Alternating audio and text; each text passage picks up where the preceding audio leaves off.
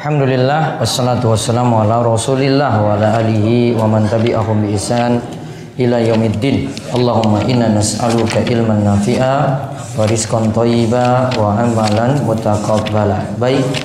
Ikhwani fid din wa akhwati fillah rahimani wa rahimakumullah. Kita lanjut lagi pembahasan kita dari pembahasan Firqatun Najiyah sekarang kita masuk sesi yang ke-12 keutamaan tauhid.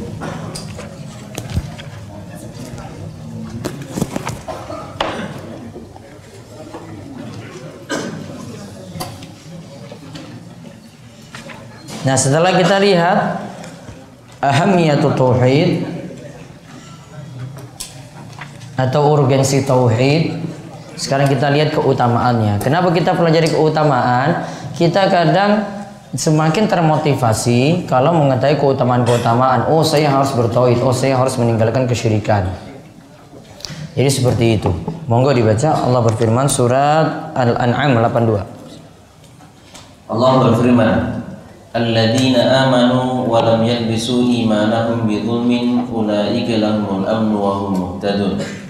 Orang-orang yang beriman dan tidak mencampur adukan keimanan mereka dengan kezaliman atau kesyirikan, maka mereka itulah orang-orang yang akan mendapatkan keamanan dan mereka itulah orang-orang yang mendapatkan petunjuk. Al-An'am 82. Taib. Alladzina amanu walam yalbisu imanahum bidzulmin ulaika lahumul amnu wa hum muhtadun. Orang-orang yang beriman yang tidak mencampuri keimanan mereka dengan kesyirikan. Zalim di sini yang dimaksudkan adalah syirik. Ulaika lahumul amnu Mereka lah orang-orang Yang mendapatkan amnu Rasa aman Mereka lah orang-orang yang mendapatkan petunjuk Lihat pengertian dari zulmin dalam ayat di atas hadis Ibnu Mas'ud di bawahnya. Dari Abdullah bin Mas'ud ia berkata, tatkala ayat ini turun, orang-orang Islam merasa terlalu berat untuk melaksanakannya. Mereka bertanya, siapa di antara kita yang tidak pernah berlaku zalim terhadap dirinya sendiri? Maka Rasulullah Shallallahu Alaihi Wasallam pun berkata menjelaskan, bukan begitu. Kezaliman di dalam ayat itu maksudnya adalah kesyirikan. Bukankah kalian pernah mendengar nasihat Luqman kepada anaknya? Ya bunayya la tusyrik billah inna syirka zulmun azim. Wahai anakku, janganlah engkau mempersekutukan Allah karena mempersekutukan Allah adalah benar-benar suatu kezaliman yang besar. Hadis ini muttafaqun alaih.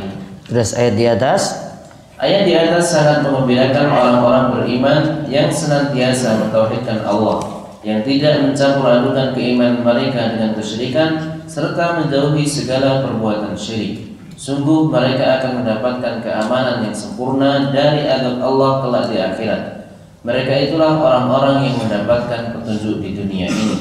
Taib.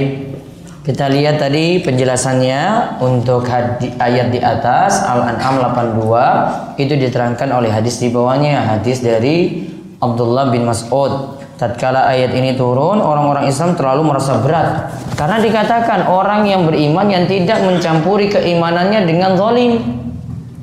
Siapa yang tidak berbuat zalim? Maka sahabat heran, ini siapa yang bisa memenuhi ayat ini? Wong kami sendiri menzolimi diri kami sendiri dengan maksiat. Maka ketika itu Rasulullah SAW pun berkata kepada mereka yang dimaksud dengan zolim untuk Al-An'am ayat 82 itu adalah kesyirikan. Beliau katakan, "Laisa dzalik innama huwa syirku." Bukan seperti itu. Yang dimaksud itu adalah ini adalah perbuatan syirik. Lalu beliau katakan, Tidakkah kalian itu mendengar firman Allah, ya bunayya, yaitu nasihat Luqman kepada anaknya? Luqman itu dari orang hitam juga. Kemarin kita sudah bahas tentang budak hitam ya. Sudah kita datang bahas tentang budak hitam dari Habasyah. Kalau yang jadi pemimpin itu budak hitam wajib ditaati atau tidak? Wajib. Maka setiap pemimpin wajib ditaati meskipun zalim.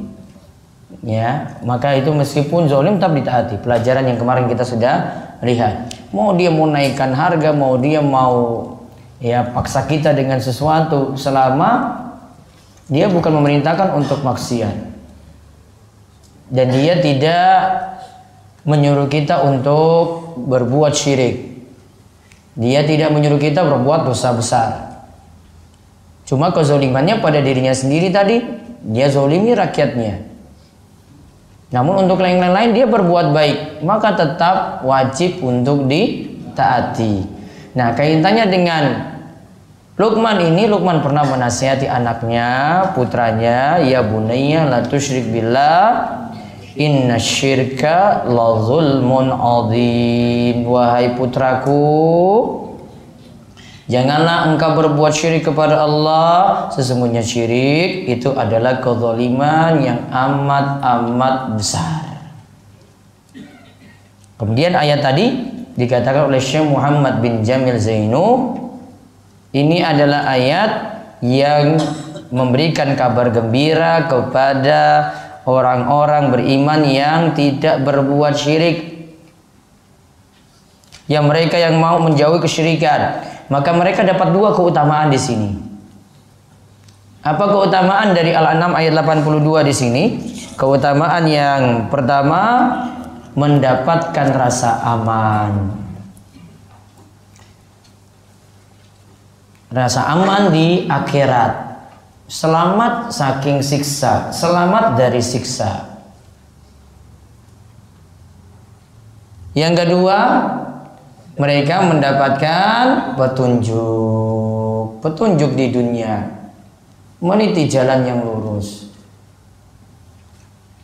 Berarti sebaliknya kalau orang yang berbuat syirik tidak mendapatkan rasa aman juga tidak mendapatkan petunjuk.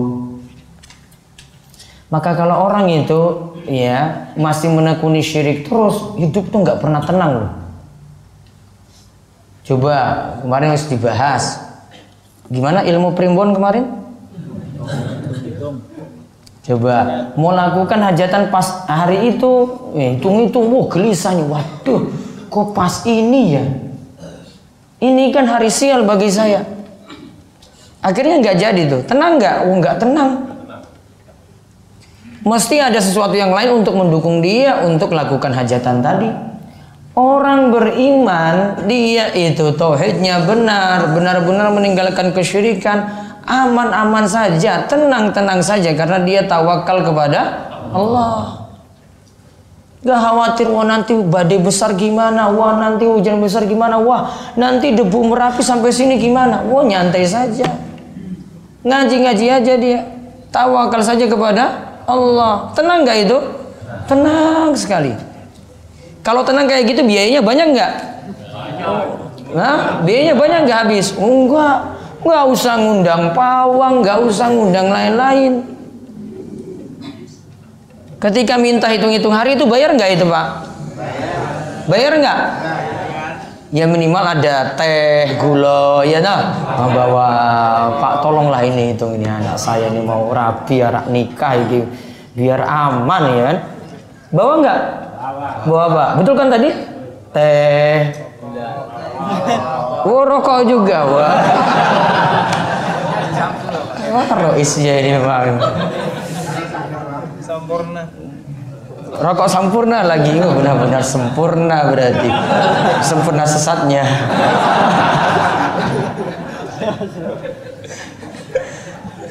Nggak tenang loh kayak gitu. Iya kan? Hitung-hitung dulu macam-macam. Jangan kena tanggal ini tanggal ini tanggal ini. Namun orang coba tawakal itu. Tenang-tenang saya. Saya yakin nanti Allah beri pertolongan. Ini badai besar yang muncul. Sudah saya berdoa pada Allah saja. Allah nanti akan selesaikan kan bukan Pak Dukun tadi bukan Bukan orang yang tadi hitung-hitung hari, bukan kan? Dia nggak akan menyelesaikan masalah kalau Allah itu turunkan musibah. Coba kalau Allah turunkan musibah langsung, dia bisa lawan itu musibah itu. Badai besar Allah datangkan, dia bisa lawan. Nggak ada yang mau lawan, mau pawang sesakti apa pun di sini, nggak ada yang bisa lawan kalau Allah turunkan badai. Mau lawan debu merapi saja bisa kalah itu. Ada yang mau lawan kan, mati juga kan? Iya.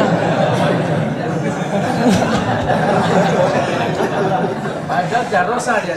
Hah? Padahal rosa. Padahal sudah sakti sekali itu. Mati nggak? Eh.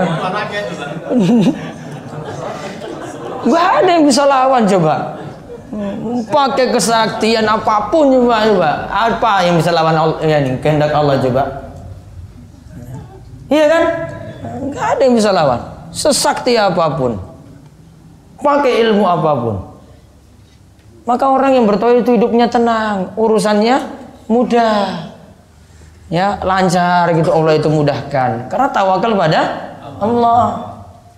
Nah, susahnya ini kalau mas-mas itu dapat calon nantinya itu keluarganya kayak gitu. Wah, susah antum sendiri nanti. Dipersulit loh kayak begitu. Hitung-hitung. Waduh, Ustaz saya sudah senang banget. Gimana ya saya itu disuruh hitung-hitung hari kayak gitulah. Mau cari yang lain. Kayak nggak ada wanita lain saja. Betul nggak? Ini untuk si Simba-Simba ini punya putu banyak loh ini.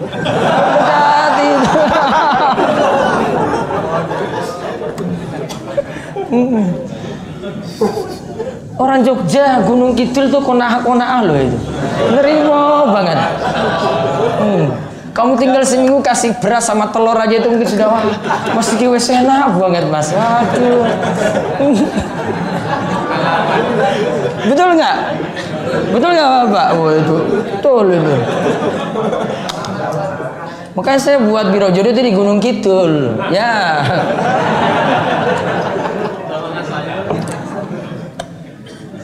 Ya, namun kalau pas kamu dapat yang kejawen ya sudah kamu ya. Tawakal saja pada Allah kamu itu. Dipersulit bukan main coba hidupmu nanti. Ya, hitung-hitung macam-macam. Enggak tenang. Ini baca ayat ini. Ulaika lahumul amnu wa hum muhtadu. Ingat ayat itu terus. Nah, sekarang syirik apa di sini? Nah, bisa dua macam.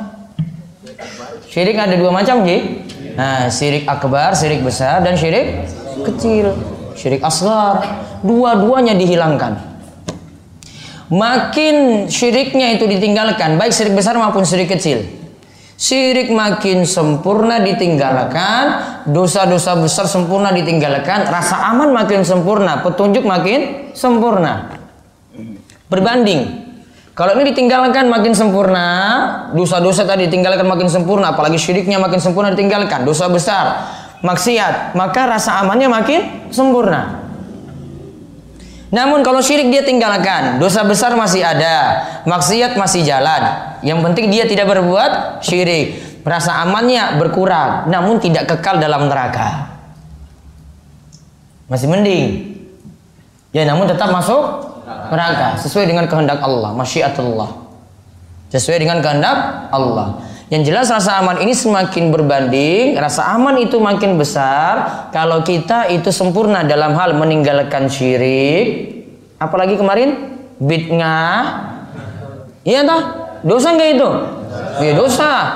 Dosa besar, terus maksiat-maksiat lainnya. Makin sempurna ini tinggalkan, rasa aman nanti makin sempurna. Petunjuk juga makin sempurna. Berbanding lurus. Namun intinya kuncinya di sini syiriknya ditinggalkan semuanya. Kalau syiriknya masih ada bahaya. Apalagi syirik akbar, gak akan dapat rasa aman sama sekali, tidak akan dapat petunjuk. Kalau masih berbuat syirik akbar, syirik paling parah ini.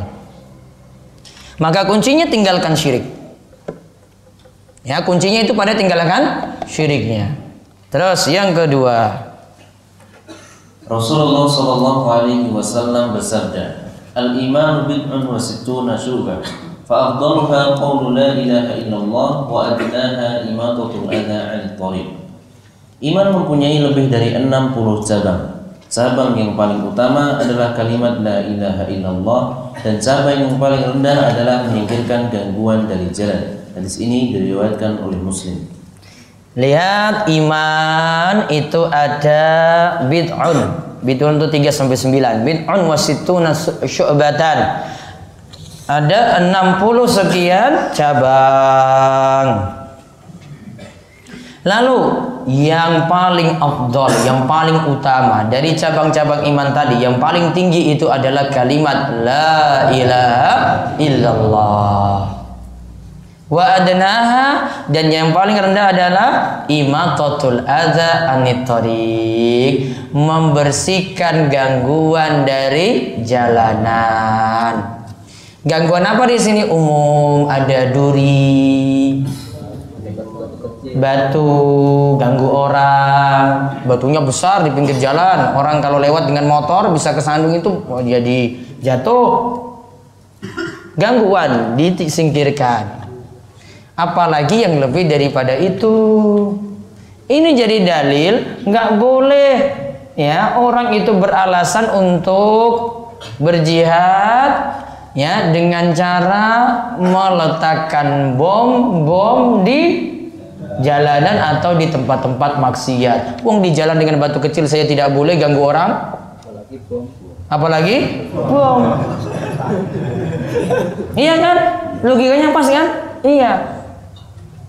Berarti kalau paham seperti ini, wah Polisi nggak usah khawatir kalau ngaji kayak gini ya nggak mungkin jadi teror teroris. Wong batu saja dia itu singkirkan itu bagian dari iman. Terus yang ngebom ngebom itu apa? Ya mungkin nggak baca hadis ini. Ya kurang nggak ngaji. Makan? Hah? Makan? Eh, Kurang makan juga. Kurang ngaji atau tidak merujuk pada para ulama. Ya. Maka ada seperti itu. Harus ngaji yang benar berdasarkan pemahaman yang benar pula. Kalau gurunya yo sesat, ya muridnya juga ego sesat. Sama, gurunya nggak benar berarti. Dan asalnya itu pemboman-pemboman yang terjadi di negeri kita ini, yaitu dari guru-guru itu yang seperti itu gurunya nggak pergi jihad itu cuma yang pemuda-pemuda saja pesepuh dia. Dia cuma berkuar-kuar saja panas-panasin yang di bawah itu yang nyerang-nyerang. Istilahnya itu apa? Yang anak-anak muda yang bom bunuh diri itu apa? Nah anak muda semuanya. Yang panas-panasin siapa? Wah itu yang guru-gurunya itu. Gurunya itu pengecut nggak mau turun sendiri ya, suruh yang di bawah yang muda-muda bom bunuh diri maka itu sudah jadi dalil tadi seperti itu nah sekarang lihat yang ketiga ja'a fi kitab Di dalam kitab dalil Al-Muslim fi Al-I'tiqad wa At-Tatahir karya Syekh Abdullah Khayyat ada diterangkan sebagai berikut. Tauhid menjadi sebab seseorang masuk surga dan dilebur dosa-dosanya. Manusia karena sifat-sifat kemanusiaan dan karena memang dirinya yang tidak maksum senantiasa terjaga dari kesalahan Suatu ketika pasti akan terpeleset dan terjerumus melakukan kemaksiatan. Jika dia seorang yang benar-benar mentauhidkan Allah murni dan bebas dari kotoran syirik, maka ketauhidan dan keikhlasannya dalam mengucap la ilaha illallah itu akan menjadi sebab dileburnya dosa-dosa dan kemaksiatannya itu.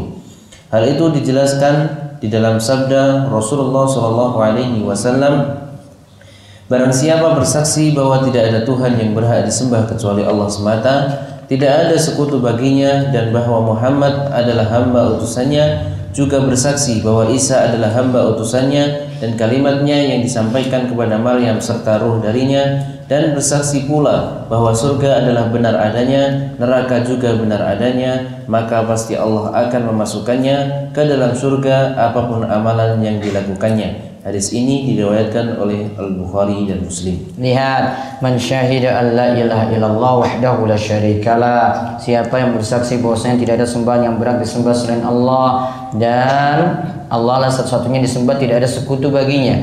Wa anna Muhammadan abduhu wa rasuluh dan Muhammad adalah hamba Allah dan utusannya. Wa anna Isa abdullahi wa rasuluh dan Isa itu adalah hamba Allah dan utusannya. Wa kalimatu alqaha ila Maryam wa ruhum min dan kalimat yang disampaikan kepada Maryam serta ruh darinya. Kemudian wal jannatu haqqun. Dia mengimani juga surga benar adanya. Wan haqqun neraka benar adanya. Adkhalahallahul jannah. Allah akan masukkannya ke dalam surga. Ala makana minal amal apa pun amalnya. Di sini di salah satu pengertian apa pun amalnya artinya gini, orang yang bertauhid meninggalkan syirik apa pun amalnya akan masuk surga. Yang penting apa? Yang penting bertauhid dan meninggalkan syirik. Saya ulang, yang penting bertauhid dan meninggalkan syirik apa pun amalnya. Yang penting nggak ada syirik di sini ya apa pun amalnya maka akan masuk surga. Makna yang kedua Ya makna yang kedua kalau tadi apa pun amal yang kita terjemahkan nah yang kedua orang yang bertauhid dan meninggalkan syirik akan masuk surga sesuai dengan amalnya sesuai dengan amalnya kalau tadi yang pertama apa? Apa pun amalnya, amalnya apa pun, dosanya banyak tetap masih bisa masuk surga. Kalau di sini sesuai dengan amalnya, berarti dia makin mudah masuk surga kalau syirik ditinggalkan plus bid'ah juga ditinggalkan. Ya kan? Plus dosa besar juga ditinggalkan, maka lebih mudah masuk surga. Lebih mudah Makin itu bersih dosa-dosa tadi bersih, makin mudah masuk surga. Berarti kalau masih ada dosa selain syirik tadi, ya, syiriknya tinggalkan. Namun masih ada dosa selain syirik, maka sesuai dengan amalnya nanti. Oh, berarti nanti dia ada peluang di siksa dulu dalam neraka, baru nanti masuk surga. Berarti ada dua makna ya. Yang pertama apa pun amalnya, dosa-dosanya banyak nggak apa-apa. Yang penting apa tadi? Syirik nggak boleh dilakukan. Kalau syirik dilakukan selesai, tidak usah dibahas lagi. Yang penting bersih dari syirik. Apa pun amalnya itu membuat dia masuk surga. Namun masuk surga ada dua keadaan. Yang pertama masuk surga ini langsung. Yang kedua mampir dulu. Yang penting masuk surga. Iya kan? Iya. Masuk surga ada dua macam. Masuk surga langsung, nggak mampir-mampir. Yang kedua mampir dulu yang penting masuk surga. Mana yang enak berarti? Langsung, langsung. ya. Nggak tahu mampirnya berapa lama kan? Kalau mau mampir mampir. Makna yang kedua sesuai amalnya. Jadi tingkatan dia di surga sesuai dengan amalnya Intinya di sini punya makna besar Bapak Ibu-ibu, para jamaah, ini punya makna besar orang itu yang penting tidak berbuat syirik. Yang penting tidak berbuat syirik.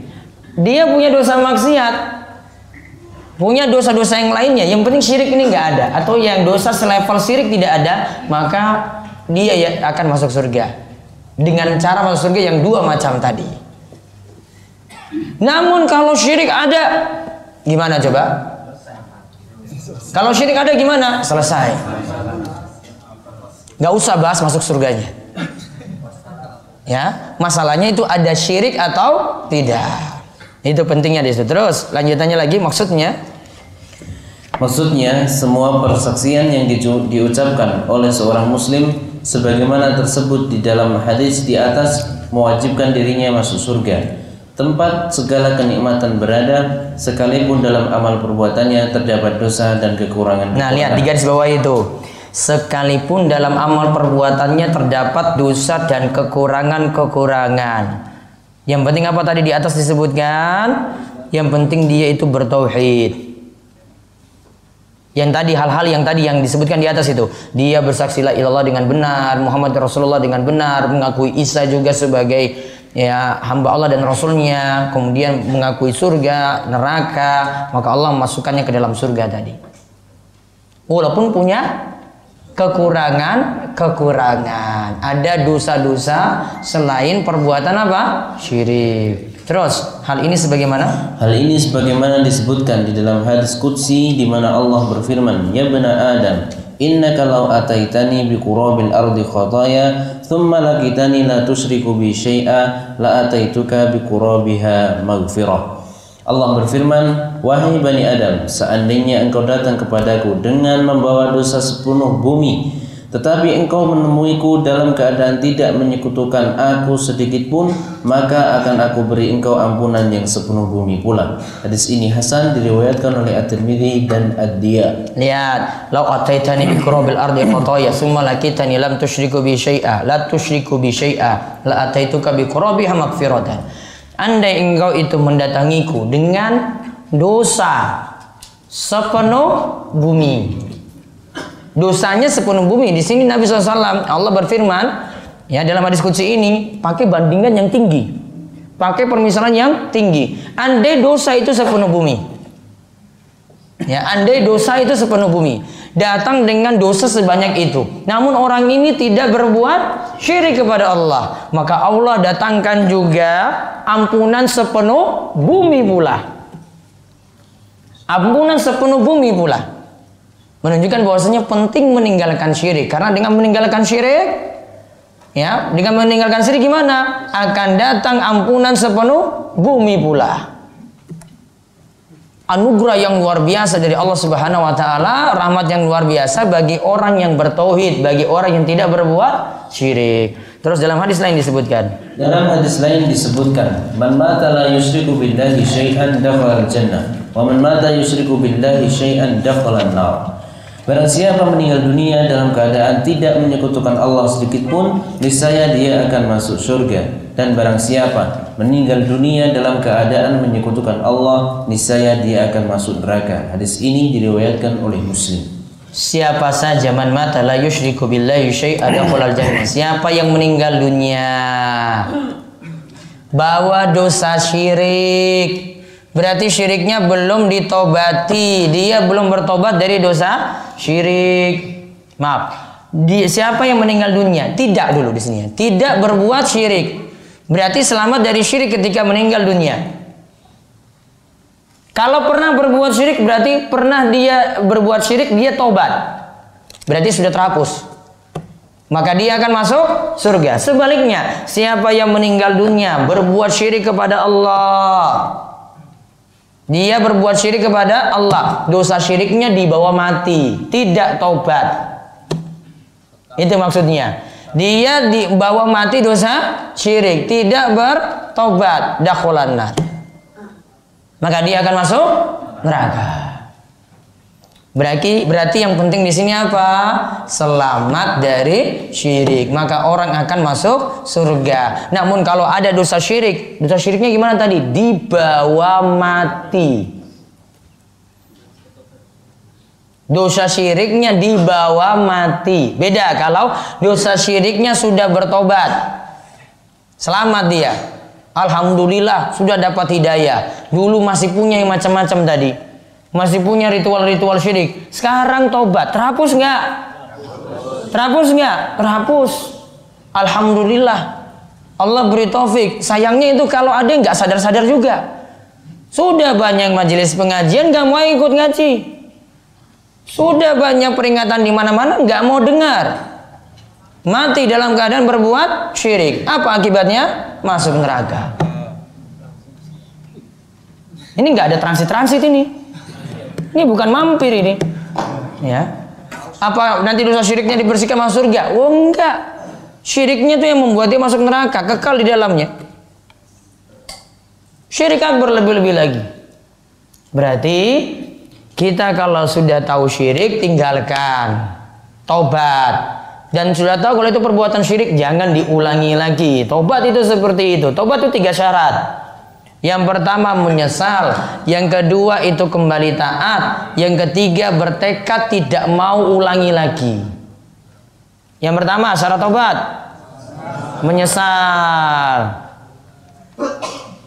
Bukan bangga loh. Menyesal. Yang kedua kembali taat. Kembali taat berarti syiriknya ditinggalkan. Kalau meninggalkan sholat berarti sholatnya dikerjakan. Yang ketiga, bertekad tidak mau mengulangi lagi. Tiga syarat ini penting. Ada syarat yang keempat ditambahkan oleh Ibnu Katsir kalau itu berhubungan dengan masalah sesama manusia diselesaikan. Punya utang diselesaikan. Pernah zolimi orang minta maaf. Pernah gibahin orang minta maaf. Itu karena sesama manusia. Selesai bahasan ke-12. Istirahat satu menit. Baru lanjut bahasan 13.